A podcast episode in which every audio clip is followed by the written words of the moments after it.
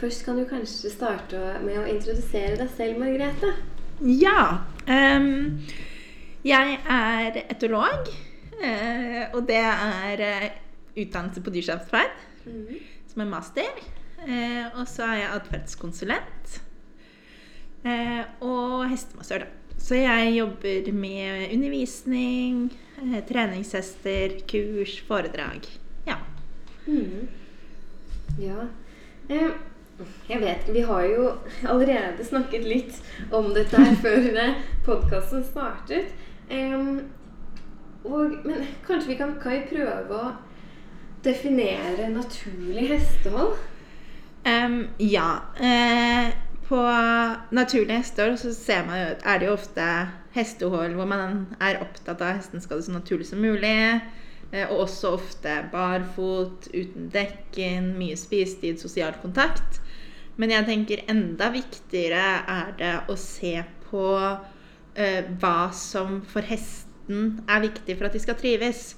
Eh, og det er viktig for alle hester, ikke bare for hester med eiere med eh, interesse for naturlig hesthold. Ja. Så det er viktig for alle hester at vi ser på hva som er viktig for at de skal ha det mest mulig. Og for noen hester så er jo ikke nødvendigvis barfot riktig. Hvis de går rundt og har vondt når de er barfot, så bør de ikke være barfot. Eh, får de vondt i ryggen og går som noen pinner når de eh, ikke har dekken, så bør de ha på seg dekken. De skal jo ikke fryse fordi at vi har en mening. Men det kommer vi jo sikkert tilbake til etter hvert òg. Men f.eks. sosial kontakt. Det er viktig for alle hester. De trenger sosial kontakt. Og det da, går da under atferdsbehov, da. Ja. vi snakket litt før òg. Ja. Eh, så eh, vi vet jo at eh, hesten har fysiske behov. De trenger næring, eh, de trenger eh, le for uvær, de trenger vann. Eh, men de har også atferdsspor som er psykiske behov. Det er hva de trenger for å ha det bra mentalt. Og på hesten så er atferdsbehov eh, sosial kontakt. Å få være sammen med artsvenner. De er flokkdyr. Eh, og så er det spisetid. Og mulighet til bevegelse. Mm. Spisetid eh, Altså Em, Hva er det? Eller måte, Jeg skjønner jo at det er tid til å spise, men det får vel alle hester? ja. Uh, hvis man ser på hesten når de lever i fri tilstand, så spiser de rundt 16 timer i døgnet. Det varierer litt med hvilke studier jeg, man ser på, men det er, de spiser mange timer i døgnet uansett. Uh, og så har du jo Og den tiden de da bruker på å spise, den er et behov de har. Eh, så gjennom emisjonen så har jo de hestene som bruker tid på å få tak i næring og få tak i mat, har jo overlevd og laget babyer som det er viktigere for å få tak i mat. Så det er det som man tenker på som spisetid, Ja. og ikke selv... Eller jo, det blir jo selve Men ja, hva Øh, skal man gjøre hvis de De får frokost, de får Mm. lunsj og de får kvelds? ja. Så den? Så neste er Det kommer jo an på, da. Hvis frokosten, lunsj og kvelden gir dem eh, tyggetid på en time til sammen, så har de jo nesten ikke noe spisetid. Eh, og så har det jo motvekten, for du har jo næring. Eh, de bør ikke spise så mye at de er smellfeite og kan trille sidelengs. Så da er det jo at man har fôr med næring som gjør at de kan bruke mye av tiden på å spise. Eller at man bruker en eller annen form for fôrbegrenser. Finmaskede høynet, sånn heibal, er det vel det heter. Eller eh, en eller annen form for fôrbegrenser. Mm. ikke, ikke bruke kasse med metallsprinkel, for da ødelegger man tennene deres. Ja. Eh, den er jo litt. Den er jo litt viktig å ha med når man Ja. Eh, Ja.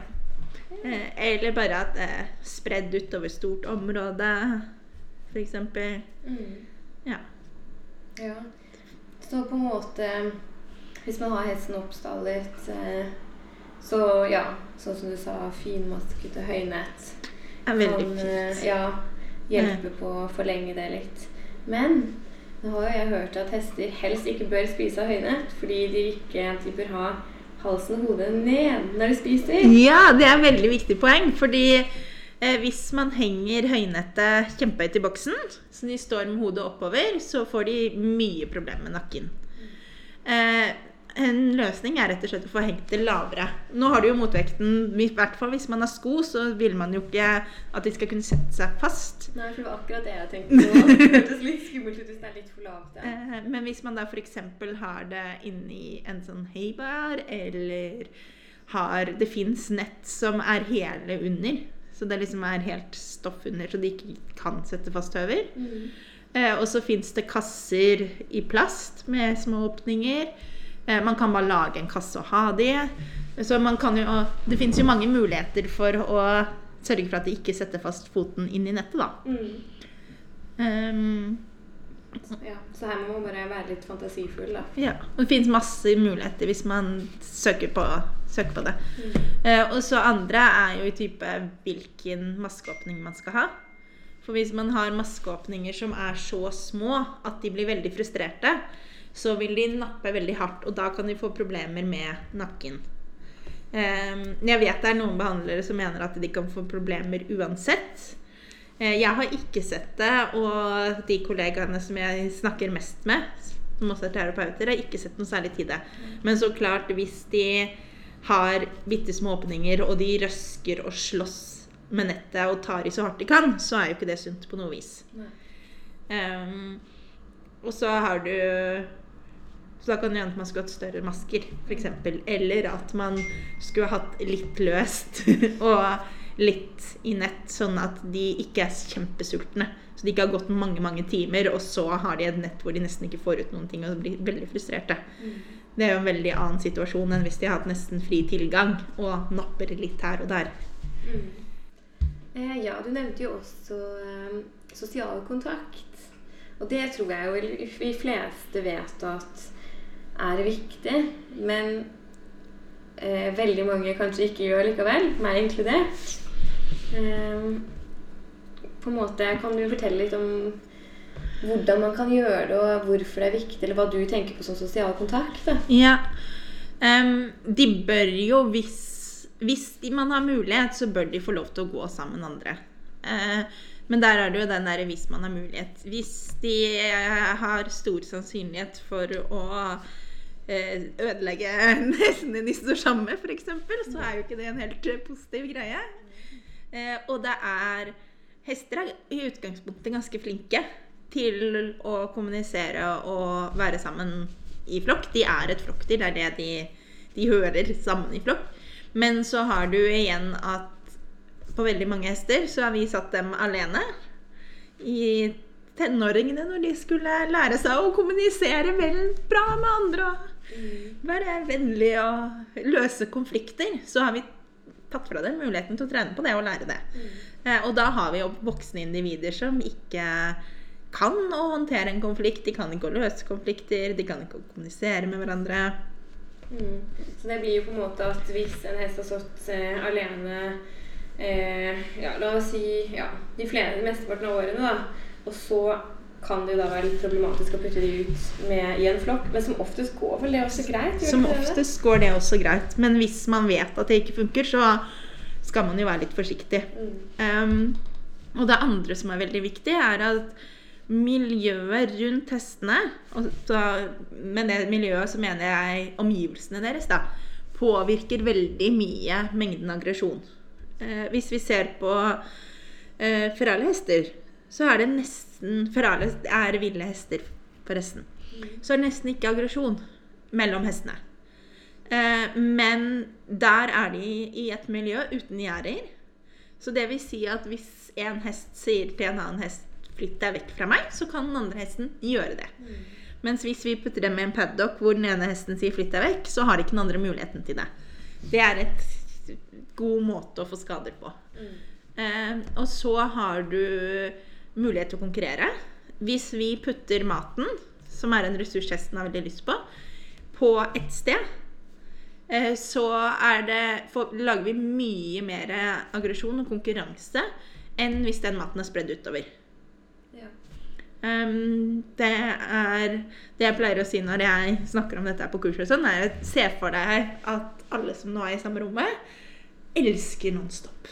Det er, Nonstop er ikke bare godt. Det er, dere er nesten villige til å drepe for Nonstop. Uh, og så har jeg en pose med Nonstop. Med denne posen så kan jeg gjøre to ting. Jeg kan snu den på, opp ned på midten av bordet, sånn at alle som dette er i rommet La oss si at vi er 15 inne i dette rommet nå eh, kan kaste seg over dette bordet og slåss for å få tak i mest mulig Nonstop. Ja. Eller så kan jeg kaste Nonstopene rundt i hele rommet. På versjon nummer to eh, så er det de individene som fokuserer på å få tak i mest mulig Nonstop, som kommer til å få tak i flest. Eh, så det lønner seg ikke å krangle om Nonstopene hvis de er helt likt spredd utover rommet. Men på den første versjonen hvor man puttet den i en haug, der lønner det seg å slåss om Nonstopene.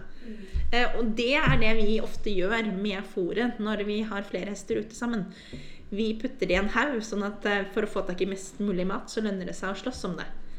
Eh, og det påvirker veldig mye hvor mye aggresjon det er. Eh, og det hjelper ikke at området til hestene er store, f.eks. hvis området vi fôrer på, er lite.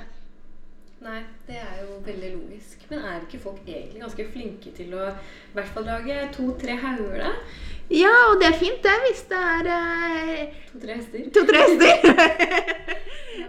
Eh, sånn at um, Mens hvis det er to-tre hauger, og det er eh, ti hester, f.eks. Eller det er ti hester, ti hauger, og det er en meter mellom hver haug. Ja, Eller to meter mellom hver haug.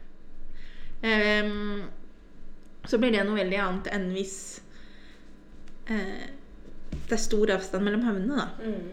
Ja. Um, I hvert fall det jeg tenker som er mest uh, Som i hvert fall grunnen som jeg tenker mest på, da, men selvfølgelig det med, med fòring også.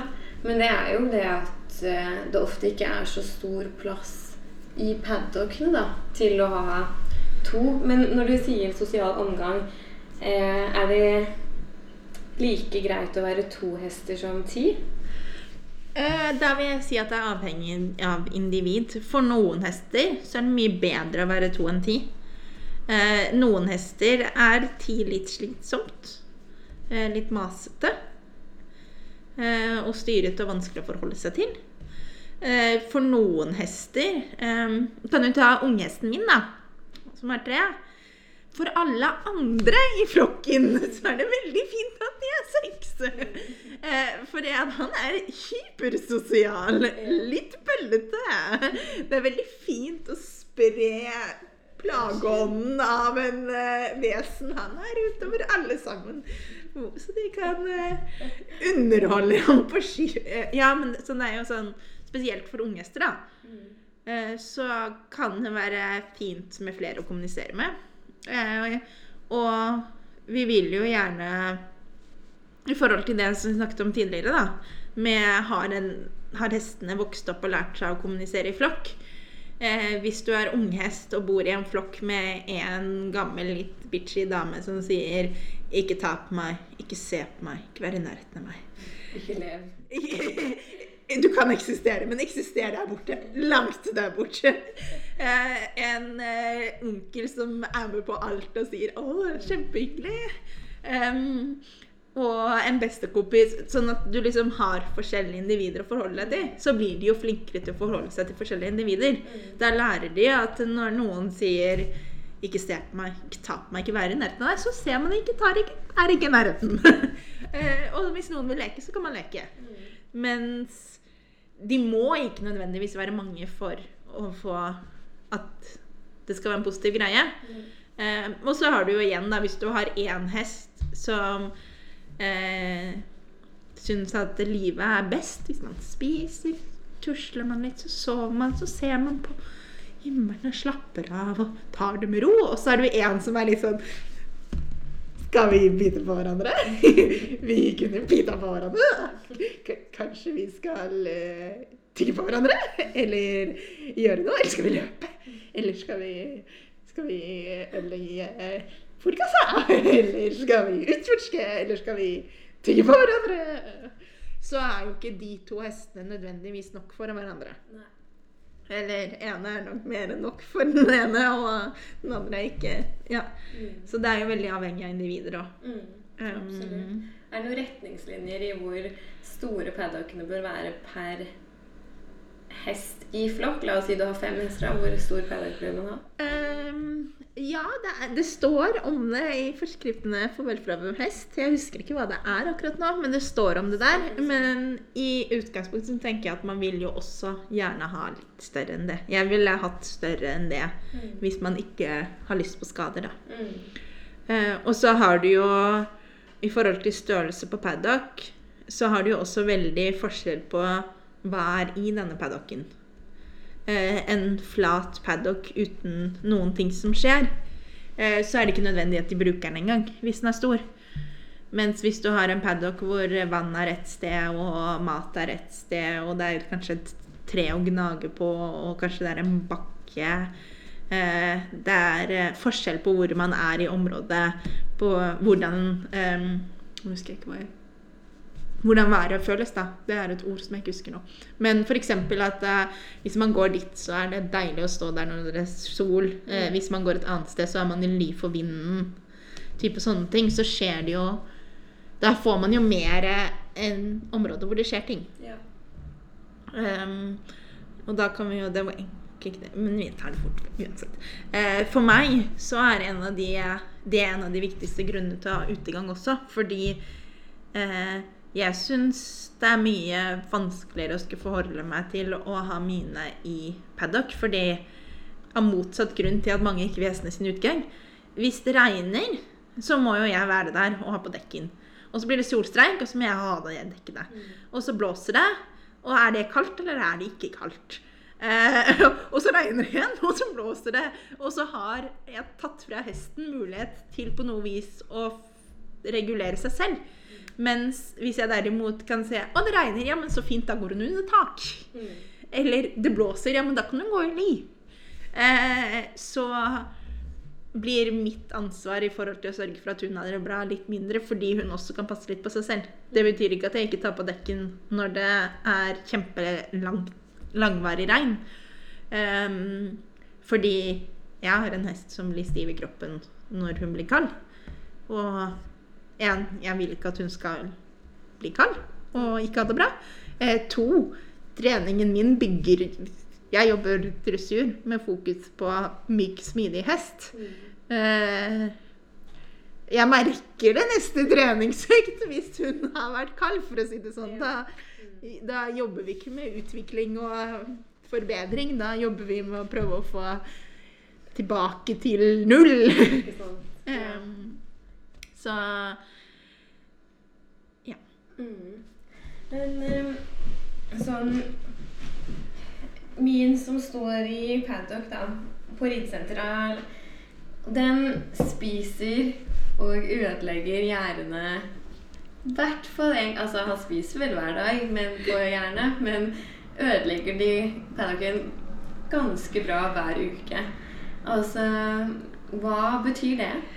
Ehm, det betyr jo på hvert fall at han ikke ja, har så mye annet å drive på med enn å ødelegge gjerder. Ehm, så da er det jo viktig har han noen andre å henge med. Ja, han har jo ikke det. Eh, og hvor mye av tiden i paddocken bruker han på å spise? Har han noe annet å tygge stykker enn gjerdet? Nei. uh, sånn at det man må se på det, er jo hvordan kan han gi Gi han, når han er i paddock, et, et tidsfordriv som er verdt å gjøre, da. Ja, men hva kan det være, f.eks.? Eh, Gnage på trær. Ja, Som vi har sagt flere ganger nå. Det er sånn ideelt sett, så venn. Hvis man Jeg tenker at hvis man ikke har en god grunn til å la være, så skal og bør alle hester få lov til å ha noen andre hester å være med. Mm. Det er ene. Eh, øke spisetiden. F.eks. gjennom finmaskete høynett eller en eller annen fôrbegrenser. Um, grener å gnage på. Grener og trær å gnage på. Um, det liker de veldig godt. Eh, Hjemme hos meg nå så går de faktisk på eh, grener før de går på høyet når hun fôrer. som oi, oi. Så vi drev og laua i sommer. For det For meg så var det ene var jo det der med at eh, det så ut til å bli vanskelig å få tak i fôr. Men det andre var jo at det så ut som alt fôr man får tak i, er eh, med veldig høy energi eller veldig mye sukker.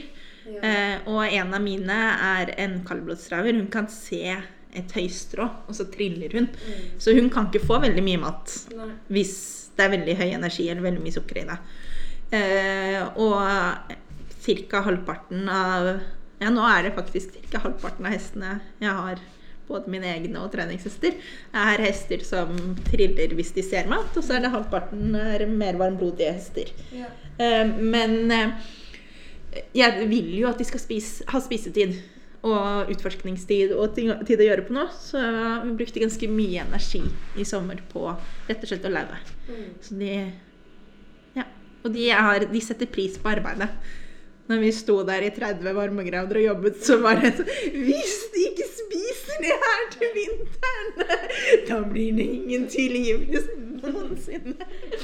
Eh, Men eh, de, de, har, de går på det før de går på høyet, og de har høy som er veldig godt. Mm. Så de har, de har satt pris på arbeidet. Ja. ja, jeg kan jo ikke være den eneste som har en hest som kanskje kjeder seg litt ute, tenker jeg. Og Ah. akkurat Ja, jeg er jo litt redd for at den skal skade seg i paddock, da. Hvis den skal stå med andre. Og det er litt Altså hovedsakelig fordi det ikke er nok plass, da. Ja. Som på en måte Hvis det hadde vært på en stor eh, Altså Han har jo gått i flokk eh, Han gikk jo forrige vinter i flokk, på en måte. Og det Ja. gikk jo helt fint, for da sto han jo og hadde en liten unghestpause selv. Um, Det som også kan gå an i forhold til det med plass, for det at jo mer de kjenner hverandre, jo mindre Så klart, de trenger plassen uansett. Men jo mer de kjenner hverandre, jo mindre sårbar er man for de andre plassene, faktorene som plass, eh, mat. Det betyr jo ikke at de ikke er viktige, men det er ikke så kritisk som når de blir kjent med hverandre. Eh, Men en mulighet er jo faktisk å bruke beitesesongen. Hvis man vet om noen andre Hvis man er heldig og har noen andre på samme stall, som også gjerne skulle hatt sammen, og man ikke syns, syns det er litt skummelt å introdusere lite område, det er det. mm, Um, personlig så introduserer jeg aldri på lite område. Hvis jeg ikke har noe annet valg, så introduserer jeg leie de tilbringe ganske mye plass, tid sammen på større, f.eks. av å slippe ridhus, da. mm, Og passe på at de faktisk har snakket sammen og funnet ut av det før man putter de på et lite område og sier Har en av dere tenkt å drepe den andre, eller skal dette bli hyggelig? Ja. Men det å sette, ha de sammen på beite, og så sette de sammen i paddock når de da har tilbrakt mye tid sammen, er jo også en mulighet når man ikke har mulighet til å ha de i noen større områder, da. mm. Ja. Eh,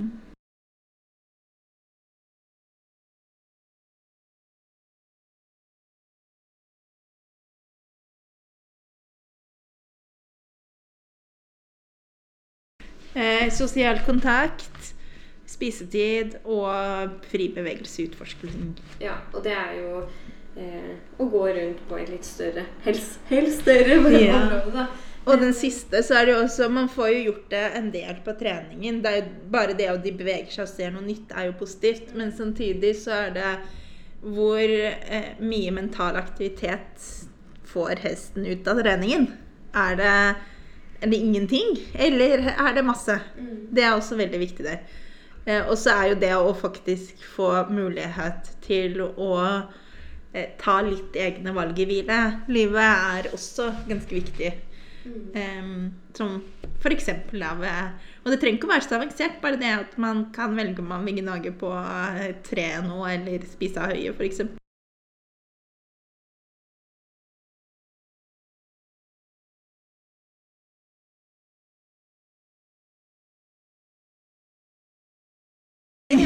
vi skal over til stereotypisk atferd, skal vi ikke det? Jo. Eh, Vi snakket litt før òg. så de fleste vet jo hva stereotypisk atferd er, i form av at det er luftsluking, veving, krybbebiting, sånne diverse der. Uh, det som kjennetegner, er at det er en repetiv, det er en atferd som repeteres på samme måte, uh, og den har ikke noen tydelig mening. Det er ikke f.eks. at man slikker på en slikkestein som smaker godt, f.eks. Det er jo også en repetiv atferd fordi man står og gjør det samme, men det har jo en mening. Det smaker godt.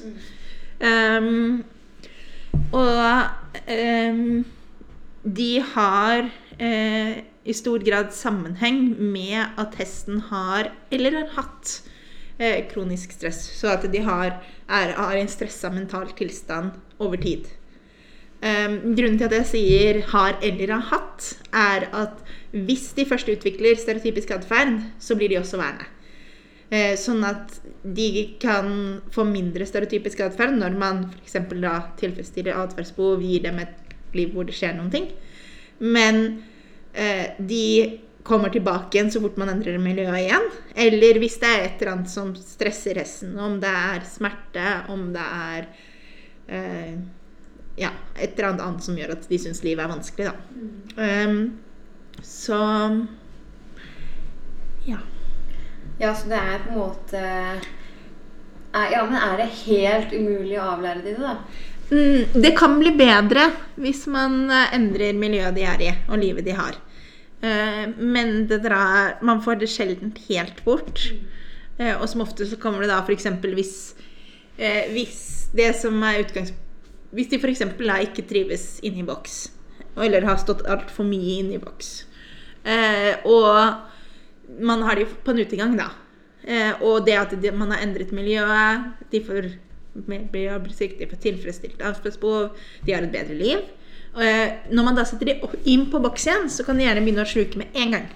Fort de kommer inn der. Jeg leste jo en uh, studie om eh, luftsluking og veving. Eller var det bare luftsluking? Ja, uansett. Så om at det kom ja, fra stress, og som du sier. Men jeg har jo også alltid hørt at det kommer Eller hester kan liksom herme etter hverandre, og at de ikke bør stå ved siden av noen andre som gjør det, for da kan de begynne med det selv. Er det mm. helt feil, det da? Ja. Eh, det er faktisk gjort et studie på om de eh, lærer eh, Luftsjuking kommer fra sosial læring, at de lærer det av hverandre. Eh, hvor de fant at de ikke gjør det. Men det som er veldig viktig også i denne sammenhengen her, er jo at eh, stereotypisk atferd er en stressmestringsstrategi, er det jeg prøver å si. Eh, så det er en måte for hesten å håndtere at de ikke har det bra mentalt. Eh, og hvis man står eh, Hvis hestene er i samme miljø og samme omgivelsene, så er det jo de samme faktorene som påvirker alle sammen. Eh, så jeg tenker det er jo mer sannsynlig at man da får stereotypisk atferd bare fordi at miljøet tilsier at man burde få det. Ja, At det er samme miljøet mm. uh, og så har du en annen som er veldig viktig, og det er at eh, forskjellige individer har forskjellige måter å håndtere at miljøet ikke er bra på. Mm, for er det ikke sånn at når de sluker luft, så er det som at de doper seg? Ja, de, er, de, de doper seg selv, så de blir roer ned seg selv. Da. Doper seg selv med å slukke luft. Eh, og de individene som da har den løsningen og kan gjøre det, eh, har det jo for så vidt på mange måter bedre enn de som har det er akkurat like stressa, eh, akkurat like plaget av at vi har puttet dem i et miljø de ikke håndterer og ikke passer inn i. Eh, det er bare det at de har ikke noen løsning på problemet. Nei, ikke sant. Eh, og så har det jo noen eh, Så ser man jo stereotypiske atferd. På andre så kan man se det som kan kalles ekstrem inaktivitet. Så de står der bare. Er borte mentalt. Ekstrem inaktivitet, ja. Hva at, betyr det, da? At de ikke forholder seg ikke forholde seg til omgivelsene. Um, ikke gjør noen ting. Og så klart, de sover jo. De slapper jo av. Mm. Og det skal de. det skal de jo gjøre også. Ja. Uh, det er jo kjempeviktig at de slapper av. Men det er når de står der som en robot da, hele tiden. Det er ingen til stede. Mm. De forholder seg ikke til hva som skjer rundt dem.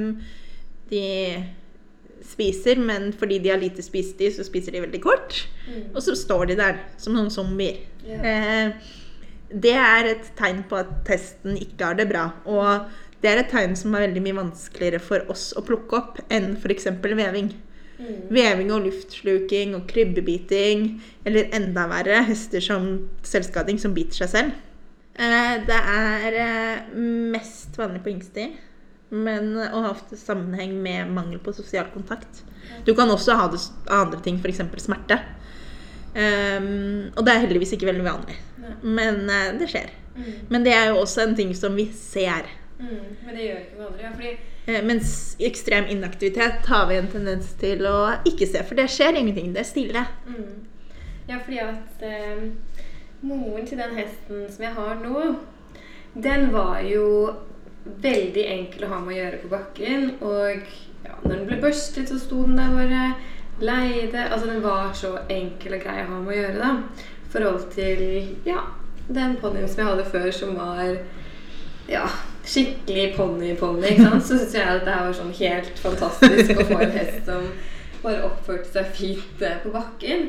Eh, Men hvordan på en måte For meg så hadde jo det aldri eh, At jeg har aldri tenkt at det kanskje Det er jo når du sier det nå, da, at jeg kanskje tenker at den var eh, altså inaktiv da, på den eh, måten. måten. Men den hadde det jo Den var jo på en måte frisk og fin. Altså Ja, eh, Det som viktige der er jo så klart Det er jo ikke noe negativt med veloppdragne hester. Det er jo ganske søtt og eh, sjarmerende og positivt. Ja, Eh, den var bare litt for Den var liksom ikke Sånn som du sier, da. Ikke kjempe... Ikke med. Ikke helt, nei. Ikke litt avslått. Og det er jo Det er ikke noe positivt her.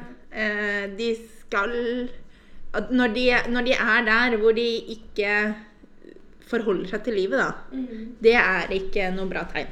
Eh, og det er noe man faktisk bør se litt mer på. mm. Um, ja. Ja, for det var jo på en måte sånn Sånn hvis jeg hadde det med på hytta og hadde de liksom i hagen og sånn, så var på en måte den ponnien alltid veldig sånn oppå, og så skulle liksom egentlig, hvis den kunne gå helt løs, så gikk den jo med oss. Altså, Den pleide jo liksom å stå midt i Hvis vi spilte fotball, pleide den å stå midt i der hvor vi spilte fotball. liksom. For den ville være med. Mens den andre hesten sto liksom langt oppi noen busker og spiste på noen busker. liksom. ja. Den var på en måte sånn, så Det var alltid litt, eh, litt rart. Men den var jo, jeg har jo liksom aldri tenkt over at det var noe Bortsett fra at den var en rød hopper. ikke sant? Så har jo aldri jeg tenkt noe mer at den var liksom ja. så At det var noe rart at den kanskje var så snill å holde på med før du nevnte Mm. det nå. da. Ja. Så, men igjen så er det jo den derre De skal jo veldig gjerne være snille, men hvis de er helt borte mentalt, så er, så er det noe man bør se på og jobbe litt med. Og da er det jo å finne måter å få de til å interessere seg for verden, rett og slett. Mm. Eh, og også i stor grad, som vi snakket om før, atferdsbehov. Spisetid, bevegelse, sosial kontakt. Mm, alle de tingene. Mm. Ja, For det her er jo liksom Det begynner jo å bli ganske mange år siden ikke sant, som hun ble brukt som ride. Så det er jo ikke noe sånn som jeg på en måte nå Altså Jeg husker jo selvfølgelig at jeg hadde det, men det er jo liksom Det er jo sikkert åtte år siden, da. Ja. Ikke sant? Tiden går, så det er ikke Men uh, ja. jeg håper Og det er jo sånn. Jo, men det er jo også sånn eh, man, kan, man lærer jo hele veien.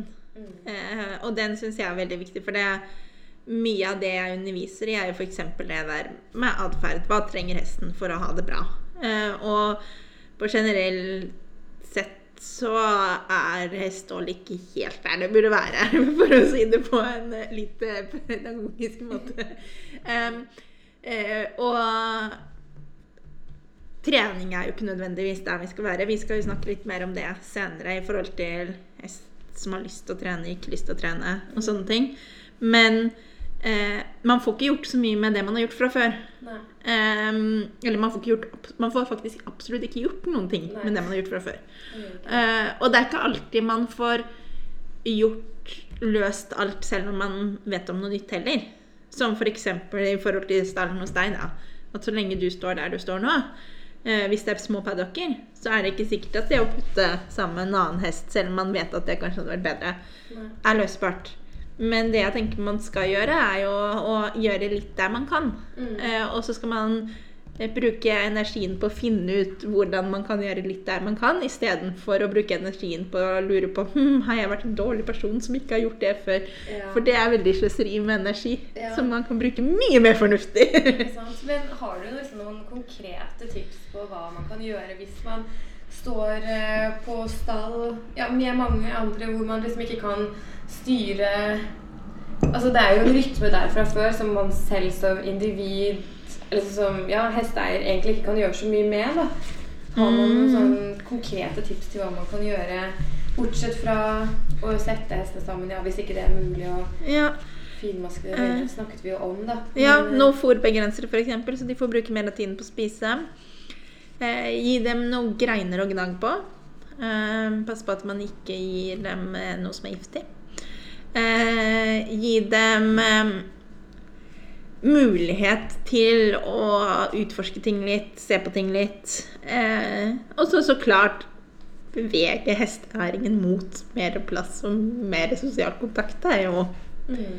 på stor sikt det som trengs. da, Og det som gjør at det blir mer tilbud om staller med mer plass, er jo at man har lyst på det. At det er folk som har lyst til at hesten skal være sammen med andre og ha mer plass. Mm, men de fleste jeg vet om, vil jo Altså, de vil jo at hestene skal ha god nok plass, men de vil jo ikke at hestene skal stå med andre. Nei. Det vil de jo ikke. De, de færre Eller sånn Det er jo noen, men de, de fleste som jeg kjenner, de liker jo best at hesten står alene, for da vet man på en måte at eh, den ikke blir sparket eller skadet. Mm. Eh, Eh, men du har jo motvekten. Eh, fordi at hvis du har hest som står alene på Og det er jo det er ikke det at ikke sparking og skade er, er et, kan være en reelt problem. I hvert fall med hester som ikke er vant til sosial kontakt. Eh, sannsynligheten for spark og skader med hester som er vant til sosial kontakt, er veldig mye mindre. Det er, ganske, det er ikke veldig mye skader hvis man ikke har hestene i et område hvor man legger opp til aggresjon. F.eks. For i forhold til det vi snakket om tidligere med den nonstoppende og konkurranse Mm. eller lite område eller sånne ting. Men eh, når de står stille på et lite, flatt område, eh, så utvikler de svakere skjelett. De utvikler svakere seneapparat. Em, så det vil si at eh, ved å prøve å beskytte hestene, så lager man hester som skader seg lettere. Som lettere brekker benet, lettere får senskader. Mm. Eh, fordi at eh, kroppen styrker seg når den brukes. Og når den ikke trenger å være sterk, så blir den svakere. Mm. Så man lager rett og slett hester som går i stykker forte Mm. ved å prøve å beskytte dem. Som akkurat motsatte. Og andre er jo det mentale at de har det ikke de, de er laget for sosial kontakt. De bør få være sammen med andre hvis Mm. man klarer å få det til. Ja. Um, sånn at uh, det er jo en måte å prøve å beskytte hesten på, men samtidig så utsetter man dem jo for farer ved å sette dem alene òg. Mm. Så en siste ting før vi, eh, eh, før vi avslutter denne podkasten her, er at eh, eh, kan det hjelpe litt at hestene står eh, ved siden av hverandre med gitter i boks på en måte, og ikke lukkede vegger, eller ved siden av hverandre i paddock? Ja, Litt. så klart. Det hjelper jo en del. Eh, det er jo mm, bedre at de får være helt sammen, men det er jo igjen mye verre at de ikke har den kontakten gjennom gitter. da. Mm. Så det er jo absolutt bedre enn at de ikke får se og treffe andre hester. Mm. Um, åh, en ting til som jeg hadde lyst til å ta med. Uh, som jeg kom på, eller hadde lyst til å kom på nå. Um, en annen veldig viktig ting er i forhold til når man har hester som er vanskelig å håndtere. De fleste av de jeg møter som har hester hvor det er eh, vanskelig å leie hesten fra A til B, eller stelle den, eller sånne ting, er hester som står alene. Hvor eh, napping er et så stort problem at det er vanskelig å håndtere hesten, f.eks., er også som oftest når de står alene. Det er unghester som har behov for å leke. Jeg liker flere, du skjønner det. Eh, og så gir vi dem ikke noe annen mulighet enn å leke med oss. Og det er et dårlig valg hvis man ikke har lyst til å være tyggeleke. Ja. Eh, sånn at det påvirker også veldig i stor grad hvor letthåndterlige hestene er. Og det har det også gjort en god del forskning på. At du får mer uønsket atferd, du får tregere læring. eh, Og du får høyere stressrespons på hester som står oppstelt alene, kontra hester som står oppstelt i flokk sammen. Mm. Det fordi eh, oppdrar vel litt hverandre også. De oppdrar hverandre litt, og det er den ene. Og den andre er eh, jeg, For meg så er den der når man er hjemme og er syk, et veldig godt eksempel. For det er kjempehyggelig å slappe av, i hvert fall hvis man driver og jobber som en gærning, sånn som jeg ofte gjør, eh, første dagene. En uke! Det er lenge. Halvannen uke. Eh, og vi gjør jo det med hestene våre. Vi putter dem alene uten at det skjer noen ting. Eh, og jeg personlig skjønner at de blir litt intense av det. Mm. Fordi at eh, man trenger mental stimuli. Man trenger sosial kontakt. Eh, og hvis vi tar bort den sosiale kontakten vi har med andre, så må vi forvente at den intense, litt eh, ikke alltid håndterbare behovet, Ja, at det kommer. det kommer. Mm. Når det, på den timen de har mulighet til å ha sosial kontakt, som er med et menneske. Mm. Eh, og også f.eks. lysten til å leke. Nappe unge valakker de har et behov for å nappe hverandre, leke, snakke sammen, gjøre ting. Og hvis det bare er når, de holder på med, når vi holder på med dem, at de har muligheten til det, da er det når vi holder på med det, kommer. Mm. Ja, ikke sant. Ja, nei, jeg fikk i hvert fall veldig mye å tenke på nå. Du må huske den delen om at man må fokusere mer på hvordan kan man endre, og hva kan man gjøre, enn hm, var jeg en dårlig person i bak i 2010? Ja. Ja, men det er lett å Det er lett å grave seg ned der, og det er jo totalt unyttig. Mm. Både for hesten og for mennesker. Ja, og så føler jeg litt sånn Noen ganger virker det som man må velge litt om man liksom skal være Ja, gjøre det liksom Det er jo du garantert uenig i, da. Men jeg føler liksom at og Jeg tror, tror kanskje mange andre også gjør det. At hvis man, man må velge litt om man skal på en måte drive med hest Og ja, det kalles jo ikke naturlig hestehold, som du sa, men, men atferdsbehov. Og om man vil på en måte ut og starte stevner og gjøre ting på den måten. Mm. Så prøve å finne en måte hvor man kan gjøre begge deler. Og der er jo noe av utfordringen der, og den, vi har jo ikke snakket noe særlig om utegang, eh, men jeg tenker at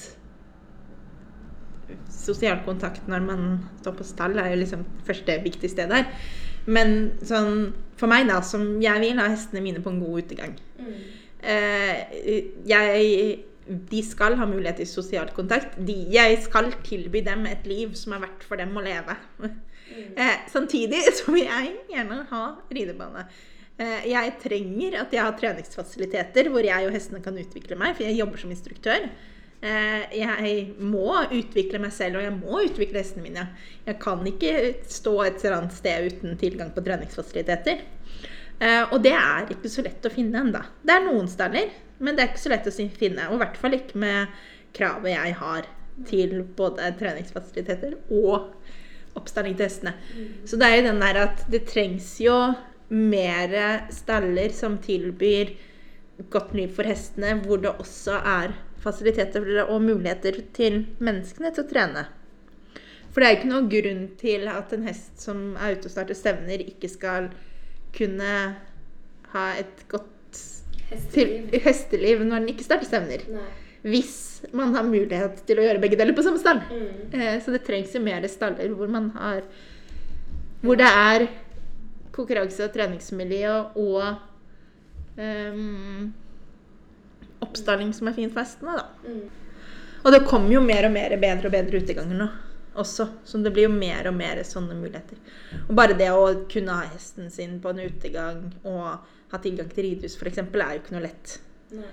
Eh, det vet jeg jo mange som har ønske om å ha hesten på utegang, hvor de liksom, man må velge treningsfasiliteter med ridehus eller utegang. Mm.